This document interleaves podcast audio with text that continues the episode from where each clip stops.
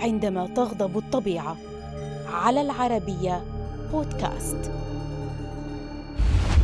صنف بأنه أسوأ فيضان زار المنطقة منذ ما يقرب من قرن. فما هي إلا أيام قليلة حتى كانت ولاية كيرالا الهندية تعلن عن خسائر فادحة في الأرواح والمنشآت الأساسية والبنى التحتية فيما فقد الكثيرون سبل عيشهم. فماذا حدث؟ خلال الفترة من الأول من يونيو حتى التاسع عشر من أغسطس عام 2018 شهدت ولاية كيرالا ارتفاعا غير عادي في هطول الأمطار حيث سجل معدل هطول بنحو 42% فوق المعدل الطبيعي.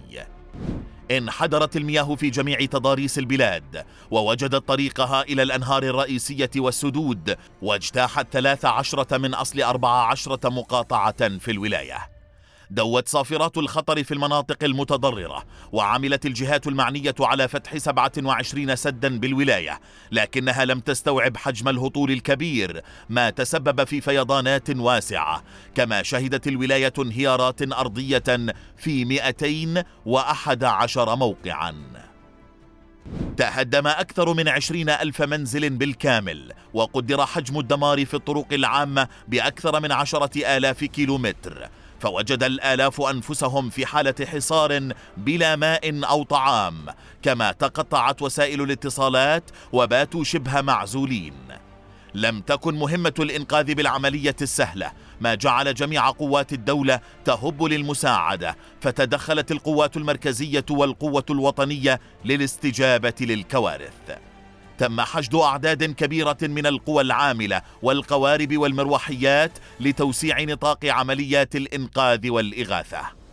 حيث نقل أكثر من مليون وأربعمائة شخص إلى مخيمات الإغاثة لكن المعاناة لم تتوقف فالعديد من الآبار تدمرت أو غمرتها المياه بالكامل. وباتت ملوثة ما أدى إلى أزمة في توفر مياه الشرب ورفع احتمالية تفشي الأمراض المنقولة عن طريق المياه. تجاوز عدد القتلى 500 وأبلغ عن 140 مصابا و15 مفقودا فيما قدر عدد المتضررين بأكثر من خمسة ملايين.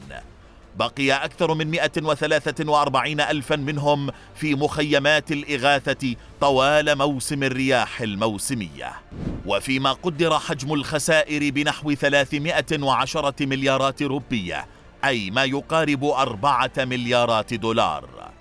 قدمت العديد من حكومات الولايات المساعدة إلى ولاية كيرالا التي اجتاحتها الفيضانات.